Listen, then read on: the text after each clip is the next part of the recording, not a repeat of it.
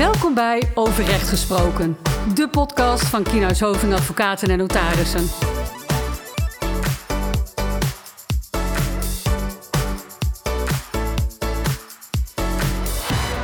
Hartelijk welkom bij een nieuwe podcast van de serie Over Recht Gesproken. Mijn naam is Astrid Kiewiet, advocaat gezondheidsrecht bij Kienhuis Hoving. En uh, deze podcast is een andere dan andere. Uh, we hebben namelijk een gastspreker onder ons, omdat we een korte serie maken over de nieuwe WMCZ 2018, de Wet Medezeggenschap Cliënten Zorginstellingen. En uh, in dat verband stel ik graag voor Marika Biaggi. Dankjewel. Mijn naam is Marika Bijacic. Ik ben directeur bij het netwerk Cliëntenraad Zorg. Wij zijn een koepelorganisatie voor cliëntenraden in de gehele zorgsector. En alles wat maar te maken heeft met het ondersteunen, het begeleiden, het trainen van cliëntenraden. Daarvoor kunnen cliëntenraden en zorginstellingen bij ons terecht. Nou, leuk dat je er vandaag uh, bij kan zijn. Iemand uh, uit de praktijk met veel ervaring. En tegenover mij zit mijn kantoorgenoot uh, Yvonne Nijhuis. Ja, dankjewel Astrid. Uh, heel leuk, uh, Marika, ook om die podcast samen met jou te doen. Uh, mijn naam is Yvonne Nijhuis, ik ben advocaat gezondheidsrecht ook. In de praktijk houden we ons veel bezig ook met cliëntmedezeggenschap. En een van de onderwerpen uiteraard die onze aandacht heeft, dat is de nieuwe wet medezeggenschap cliëntenzorginstellingen. En hoe leuk om in een serie van podcasts het daarover te gaan hebben. Ja, precies. Want inderdaad, de WMCZ 2018, afgekort inderdaad die wet die jij noemde, die is 1 juli 2020 in werking getreden en vervangt de oude WMCZ. En doel is eigenlijk het verstevigen van de positie van cliëntenraden en cliëntmedezeggenschap. Dus het cliëntperspectief meer naar voren brengen binnen die zorginstellingen. Nou, dat zou voor een aantal zorginstellingen inhouden dat ze die cliëntmedezeggenschap moeten herijken. Maar ook voor een hele hoop zorginstellingen zal dat uh, betekenen dat ze überhaupt cliëntmedezeggenschap moeten inrichten. Want de rijkwijde is beduidend ruimer dan voorheen. Namelijk uh, eigenlijk alle zorginstellingen buiten de WM, WMO-zorg. Die uh, moeten de cliëntmedezeggenschap op de een of andere manier gaan inrichten. Nou ja, een onderdeel, hè, dus heb je een cliëntraad ingericht, dan, dan ga je natuurlijk verder aan de slag met die, met die wet.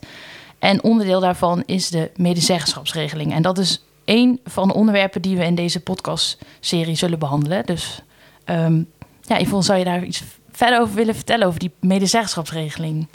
Ja, dat um, is inderdaad een van de nieuwe onderwerpen uit de WMCZ 2018. En um, de medezeggenschapsregeling is in feite in de plaats gekomen van het instellingsbesluit zoals we dat kenden onder de oude wet, uh, vaak ook in samenhang met een samenwerkingsovereenkomst. En uh, de WMCZ is een zogenaamde kaderwet, zoals veel wetten dat zijn. Hè. Dus die, die regelt op hoofdlijnen wat er allemaal geregeld moet zijn voor cliëntenraden en tussen bestuur en cliëntenraden. En dan zegt de wet dat kun je tussen elkaar nader invullen door een medezeggenschapsregeling af te spreken met elkaar. En die medezeggenschapsregeling is ongelooflijk belangrijk, omdat je daar in feite het, het functioneren van de cliëntenraad um, in relatie tot de instelling en de bestuurder goed vastlegt. Hè? Dus alle rechten en verplichtingen. En uh, nou, hoeveel leden heeft een cliëntenraad? Hoe worden die leden benoemd? En wie benoemt die leden? En hoe en wanneer kunnen cliëntenraadsleden ontslagen worden? Wie kunnen er lid worden van een cliëntenraad? Hè? Zijn er beperkingen aan? Of zijn, kun je daar uitbreidingen voor maken, afhankelijk van de soort uh, zorginstelling. Uh, de zittingsduur, hoe lang mag iemand zitting nemen in een cliëntenraad? Hoe de cliëntenraad op een begrijpelijke manier geïnformeerd wordt, dat is een heel belangrijk onderdeel. Ik denk dat Marika daar straks zeker nog iets over zou kunnen zeggen. En ook hoe de cliëntenraad betrokken wordt bij belangrijke adviesonderwerpen. We, bijvoorbeeld wijziging van de doelstelling of de grondslag van de zorginstelling, fusie of duurzame samenwerkingen die de zorginstelling aangaat, overdracht van de zeggenschap over de zorg of een onderdeel daarvan, ingrijpende verbouwing, nieuwbouw of verhuizingen. Nou, zo kan je een aantal dingen noemen die absoluut in die medezeggenschapsregeling uh, geregeld moet worden. Um, De wet die is, zoals je zei, Astrid, op 1 juli 2020 in werking getreden. Maar de, het veld heeft nog enige tijd gekregen om die medezeggenschapsregeling voor elkaar te maken met elkaar. En die tijd was tot 1 januari jongstleden.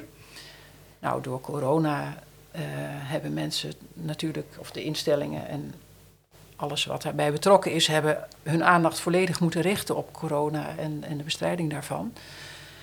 Uh, dus het verzoek was wel uit het veld, mag dat nog wat uitgesteld worden? Hè? Het moment waarop we die medezeggenschapsregeling van kracht moeten laten zijn.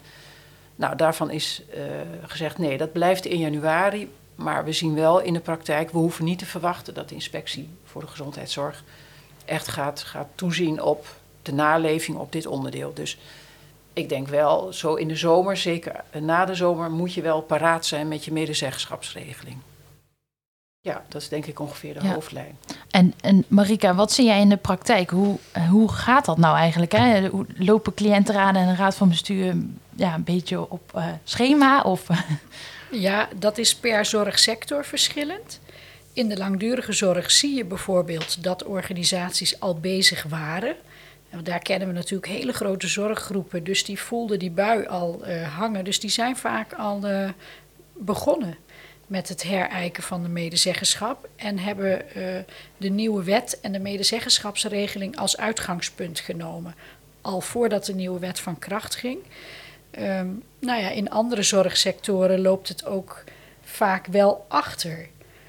Uh, dus die moeten echt, die zijn of nu bezig of die moeten soms zelfs nog beginnen. En in de ziekenhuizen heeft dat ook weer hele specifieke uh, kenmerken, omdat daar ook uh, het medisch specialistische ja. bedrijf nu verplicht wordt tot het oprichten van een cliëntenraad. Dus ja, we zien grote verschillen. En, en waar lopen cliëntenraden dan tegenaan? Of raad van bestuur kan natuurlijk ook, maar wat, wat zie je daar dan wat, wat, wat toch wat moeilijkheden met zich brengt? Um, nou ja, er liggen modellen, koepelorganisaties, waaronder ook NCZ, hebben modelregelingen uh, verzorgd. En uh, ja, waar lopen partijen tegenaan? De praktijk is weerbarstig.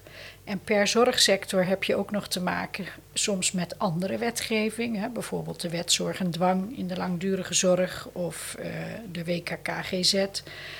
Dus daar lopen partijen tegenaan dat het echt maatwerk is, dat je met elkaar echt naar die invulling moet kijken. Ja, en, en hoe worden cliëntenraden betrokken? Is dat, uh, he, waar ligt bijvoorbeeld het initiatief? Wat zie je daar uh, in de praktijk van terugkomen? Ja, dat is verschillend. Hè. Daar waar het lang duurt, komen cliëntenraden met een voorstel. En uh, aan de andere kant zijn er ook organisaties waar de bestuurder echt een regeling op tafel legt en zegt: Nou, dit is het. Cliëntenraad, willen jullie hiermee instemmen? Ja. Ja, precies. Nou ja, ik denk in ieder geval al een goed beeld hebben geschetst over nou, de medezeggenschapsregeling in het algemeen. Misschien is het goed om nu drie onderwerpen hè, wat moet nou in die medezeggenschapsregeling worden bepaald, um, verder toe te lichten. Nou, een, een, onderdeel daarvan is bijvoorbeeld de bevoegdheidsverdeling. We hebben het advies- en instemmingsrecht. Nou, heel kort, dat adviesrecht was natuurlijk ook al bij de oude WMCZ uh, aan de orde. En toen kennen we nog het verzwaard adviesrecht. Dat is nu verruild voor het instemmingsrecht, waarmee eigenlijk de wetgever aangeeft, nou dan sta je als cliëntenraad toch iets sterker. Want op het moment dat je geen instemming geeft, dan uh, kan de raad van bestuur, nou die zal daar of mee in gesprek gaan met de cliëntenraad, of misschien toch zeggen van nou, we gaan er toch mee aan de slag. Nou, dan kan de cliëntenraad de nietigheid inroepen van, van het besluit, bijvoorbeeld ten aanzien van de medezeggenschapsregeling. Dat is ook zo'n onderwerp waar uh, instemmingsrecht voor geldt voor elke cliëntenraad. En op het moment dat dan zo'n cliëntenraad zegt van nou, wij zijn het er niet mee eens, dan uh, kan of de raad van bestuur of de cliëntenraad naar de landelijke commissie van vertrouwenslieden. Eigenlijk tussen aanhalingstekens hier de bevoegde rechter.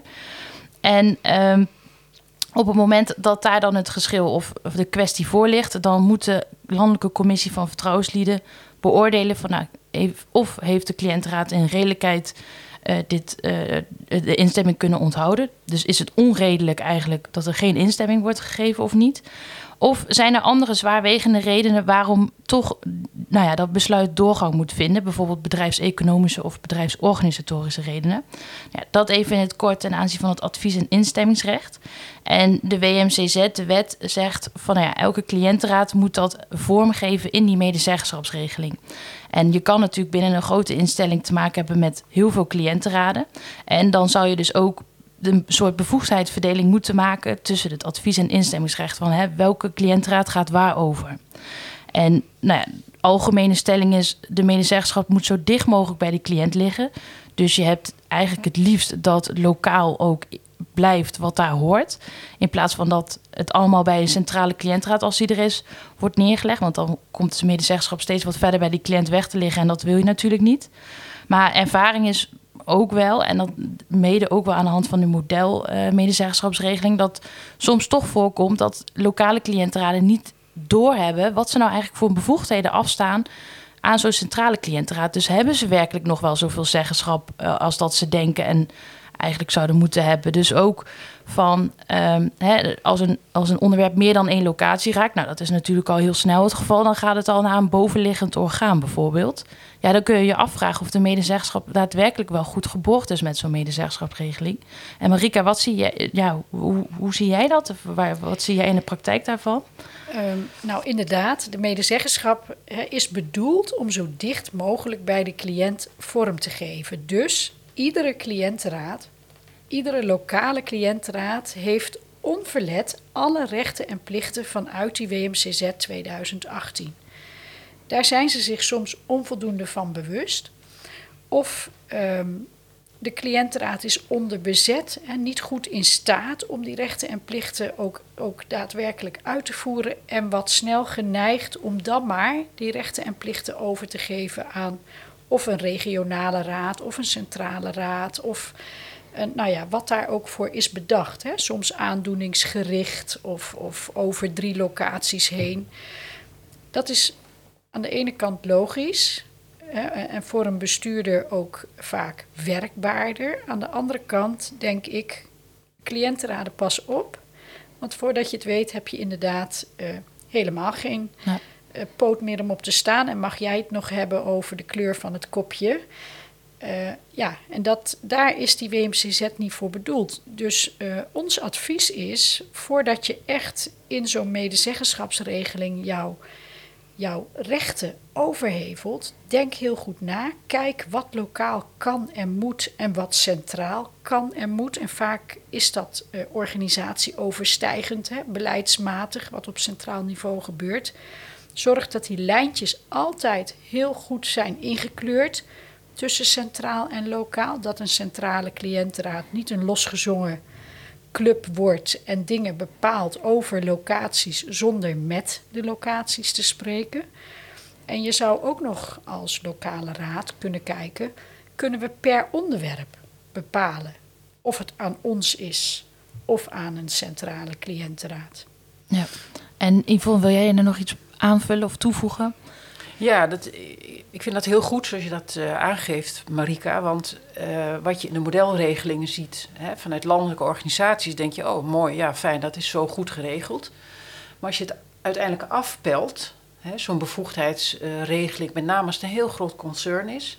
Hè, dus je hebt een centrale cliëntenraad, een regionale cliëntenraad, een lokale cliëntenraad op het laagste uh, of onderste niveau. Um, en dan wordt er bijvoorbeeld gezegd, nou als het een onderwerp betreft dat één of meer lokale raden betreft, dan gaat het onderwerp wordt al behandeld door een regionale cliëntenraad. Dus bijvoorbeeld je hebt tien cliëntenraden lokaal. Dus een onderwerp dat één of meer dan één uh, cliëntenraad raakt, dan wordt het al behandeld op regionaal niveau. Dat is, dat hoor ik jou eigenlijk zeggen, dat is eigenlijk niet de bedoeling van de wet. Maar dat zou nog daaraan toe zijn als je misschien tussen de regionale raad en die lokale raad hele goede afspraken hebt. Oké, als ik in feite mijn bevoegdheden op een hoger niveau heb gelegd, hoe gaan we daar dan mee om? Hoe gaan we met het stemmen om? Uh, en een ander belangrijk onderwerp wat ik ook wel in de praktijk zie is.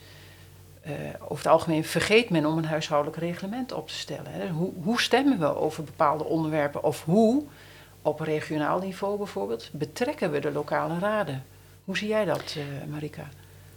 Nou ja, wat ik in de praktijk zie is dat uh, um, centrale raden, regionale raden vaak beter geëquipeerd worden door de organisatie dan een lokale raad. Dus dat die lokale raad zich vaak onvoldoende bewust is van het feit dat zij überhaupt een huishoudelijk reglement zouden moeten hebben. Mhm. En dat zij überhaupt duidelijk af moeten spreken met een regionale raad. Hoe lopen de lijntjes? Want je hebt het bijvoorbeeld over hoe stemmen we.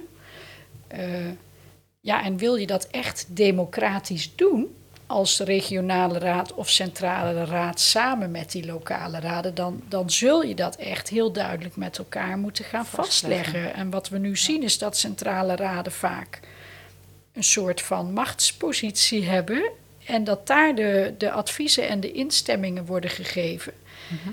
uh, die invloed hebben op zowel regio's als uh, locaties bij hele grote uh, instellingen. En dat een lokale raad puur nog een soort ja, wassen neus, mm -hmm. activiteitencommissie, noem het maar.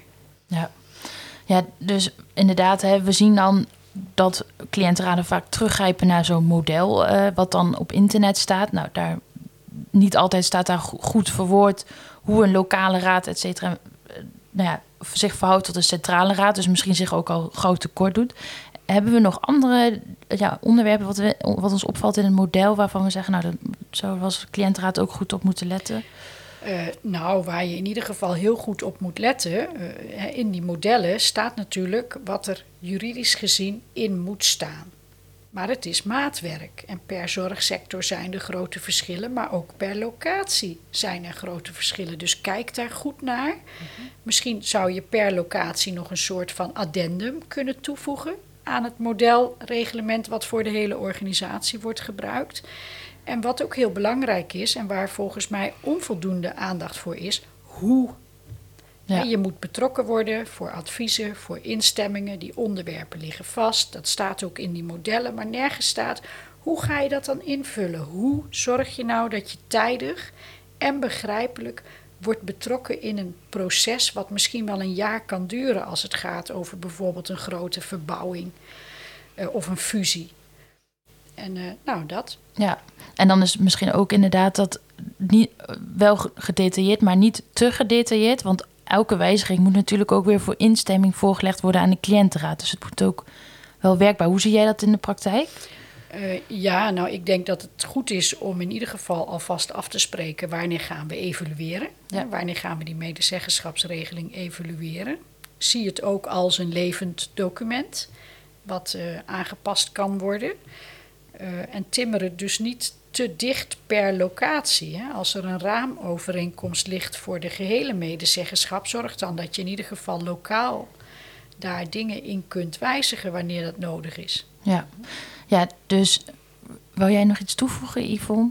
Of? Nee, terechte opmerking, uh, denk ik. Um, een ander onderwerp wat daar wel aan relateert, maar misschien wou je dat ook ja, zeggen als klopt, dit. Dat ja. is uh, de, de benoeming, de werving en de benoeming van uh, cliëntenraadsleden in de wet staat eigenlijk niet wie er benoemt. dat is een opvallend gegeven. En eh, nou, wat je in, in de modelregelingen ziet, is dat het eigenlijk een keuze is. Het wordt aan de cliëntenraad of aan de raad van bestuur gelaten wie dan uiteindelijk benoemt. Hoe, hoe zie jij het in de praktijk, Marika? Wat kom jij tegen? Nou, dat men daarmee stoeit. Ja. Hè, dat bestuurders toch nog denken, omdat ze die wet onvoldoende kennen, dat zij moeten benoemen. En dat mhm. is dus niet meer zo in de nieuwe wet. Maar wat wij adviseren is om de bestuurder dan bij wijze van formaliteit toch te laten benoemen. Omdat de bestuurder wel verantwoordelijk is voor het functioneren van goede medezeggenschap. En als jij helemaal niet weet wie er in die cliëntenraden zitting uh, hebben uh, ja, dan zou dat een slechte zaak zijn. Uh, dus ons idee is dat je als cliëntenraad iemand voordraagt. Dat dat ook iemand is die aan een bepaald profiel voldoet. En dat profiel dat stel je vaak wel samen op hè, met de manager of de bestuurder. En dat de bestuurder uiteindelijk uh, bij wijze van formaliteit benoemt. En dat je in je medezeggenschapsregeling nog opneemt dat dat een, een, een benoeming is um, in principe. Hè? Dus dat er onder zwaarwegende om zwaarwegende redenen zo'n bestuurder ook zou kunnen zeggen: ik ga deze persoon niet benoemen. Ja, want als de bestuurder verantwoordelijk is voor de medezeggenschap, en dat is terecht, hè, de bestuurder is er ook verantwoordelijk voor dat er een goede medezeggenschapsregeling eh, tot, tot stand wordt gebracht. Als de formaliteit is, zou die bestuurder ook kunnen zeggen: ja, uh, wacht even, als je mij verantwoordelijk maakt, of dat was de bestuurder al, hè, voor de medezeggenschap, het functioneren daarvan, wil ik daar eigenlijk wel iets meer over te zeggen hebben. Dan zou dus inderdaad een bindend, uh, bindende voordracht, waarbij de bestuurder zou kunnen zeggen: Nou ja, ik benoem, tenzij ik echt zwaarwegende redenen heb om niet te benoemen. Dat... Ja, dat moet je dan met elkaar opnemen, in die medezeggenschapsregeling, want de wet voorziet hier niet in. En uh, ja, ik kan me ook voorstellen dat cliëntenraden soms uh, belang hebben bij een bepaald persoon waar de bestuurder minder gelukkig mee is. Mm en dan komt het aan op uh, goede afspraken, maar ook de goede samenwerking en communicatie. Dus ik zeg altijd tegen cliëntenraden: kijk, als er bij die bestuurder nul draagvlak is voor die persoon, ga je het dan redden? Ja. Heeft het dan zin ja. om het toch door te zetten? Ja. ja, dat is een belangrijk onderdeel. En um, nu is ook expliciet de benoemingstermijn uh, aan de orde in medezeggenschapsregelingen. Dat is hè, twee keer vier jaar. Wat wij wel zien is dat um, bij het opstellen van de medezeggenschapsregeling eigenlijk onvoldoende rekening wordt gehouden met de huidige, het huidige rooster van aftreden of het huidige zittingstermijn. Um, terwijl de, het wezen van de nieuwe medezeggenschapswet is hè, de directe werking, dus ook eigenlijk door de medezeggenschapsregeling die in werking treedt. Dan moet je kijken hoe zit het met de huidige leden. Hoe zie jij dat in de, in de praktijk, Marika? Ja, er wordt te vaak gezegd, we zijn al blij dat we überhaupt nog mensen hebben. En, is, ja, en, en mensen zitten te lang in cliëntenraden mhm. en daar wordt te gemakkelijk mee omgegaan. Ook door mhm. organisaties die zeggen, we kunnen geen leden vinden. Nou, volgens ons kan dat wel, als je mhm. daar goed je best voor doet en dat op de juiste manier doet. Uh, maar net zoals dat een bestuur zich moet houden aan de uh, governance regels, moet de cliëntenraad dat ook. Dus die moet ook in zijn huishoudelijk reglement opnemen, hè, hoe lang iemand kan uh, zitten. Mm -hmm. En uh, ja, ik denk dat het voor alle partijen goed is dat daar op tijd uh, afscheid wordt genomen van mensen. En na twee keer vier jaar lijkt me een prima termijn. Ja. Waarbij je bijvoorbeeld zou kunnen opnemen dat een verlenging mogelijk is onder zeer ja, tuurlijk. Bijzondere omstandigheden of hè, dus de continuïteit is, in gevaar, ik noem maar ja, iets. Fusie maar, of, of ja. Uh, ja. Maar daar moet niet te makkelijk naar teruggegrepen worden, heb ik. Uh, nee, heb het is vaak te slecht geregeld. Ja. En voorzitters zitten soms twintig jaar in de cliëntenraad. En uh, nee, dat is geen goede zaak wat ons betreft. Precies, ook een belangrijk onderwerp. Ja, en volgens mij hebben we dan drie uh, onderwerpen goed aan de orde gesteld. Dus allereerst hè, de bevoegdheidsverdeling. Als je met name te maken hebt met meerdere cliëntenraden binnen één instelling. Dus let ook als lokale cliëntenraad op van ja, welke bevoegdheden draag je wel of niet over.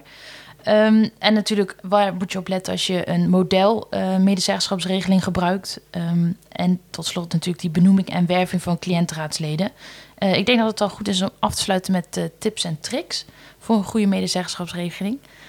Um, nou allereerst natuurlijk, we hadden het al even over, naast die medezeggenschapsregeling ontbreekt er nogal eens een huishoudelijk reglement. Dat is natuurlijk uh, goed uh, om uh, ja, wel mee bezig te gaan, ook omdat de, de WMCZ dat verplicht. En heb jij nog tips en tricks, Yvonne? Nou ja, dat, Marieke en ik hebben het denk ik allebei wel gezegd. Vaar niet blind op de modellen die er zijn denk daar zelf uh, kritisch over na. Ik hoop niet dat deze boodschap uh, wat te laat komt. maar uh, hè, stel, je bent er nog mee bezig of je hebt er vragen over. Of, of je denkt, ja, we, we, merken in de praktijk, en daar komt het evalueren van Marika ook vandaan. We merken in de praktijk dat het eigenlijk zo niet goed werkt. Geef daar ruimte en mogelijkheid in om, om tot een aanpassing te komen van die medezeggenschapsregeling. Hè. Dus zie het niet als in beton gegoten, als in een beton gegoten geheel.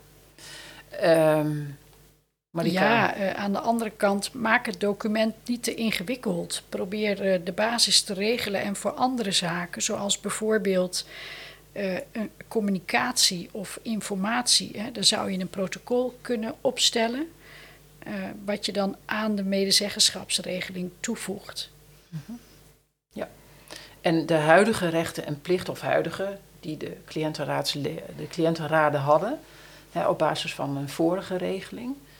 Zorg dat je die niet te makkelijk loslaat of prijsgeeft in de nieuwe Ja, medezeggenschapsregeling. dat, eh, dat- dit is wel het momentum voor veel organisaties om extra verworven rechten ineens weer eh, ja, stop te zetten. Mhm. Ja, dat is natuurlijk heel jammer. Ja. Maar als het zo is, is het zo. Hè? Het zijn extra verworven rechten. Daar moeten Mhm. wel beide partijen achter staan. En zoals we aan het begin van de podcast al even aangaven, is het een, eh, een korte serie over de WMCZ 2018. Er volgen dus nog eh, andere onderwerpen waar we over zullen spreken, waaronder de good governance, dus van de Raad van Bestuur, Raad van Toezicht en de Cliëntenraad. Nou, deze zal eh, heel snel volgen. Daarnaast over de geschillenregeling en de geschillen aan zich, waarbij ook de vergoeding van de kosten rechtsbijstand zullen worden meegenomen, omdat het toch een ingewikkelder onderwerp blijkt te zijn in de praktijk dan we denken. Ja, en volgens mij hebben we dan eh, heel wat informatie eh, mee kunnen geven aan cliëntenraden en raad van bestuur, raad van toezicht natuurlijk. Eh, nou, luister in ieder geval ook gerust een van onze andere podcasts in deze korte serie over de WMCZ 2018. En dan eh, in ieder geval bedankt voor het luisteren. Dit was Overrecht Gesproken, de podcast van Kienhuis Hoving. Heb je vragen of wil je meer informatie? Stuur dan een e-mail naar podcast.kienhuishoving.nl Wil je niets missen? Abonneer je dan op onze podcast via jouw favoriete podcast-app.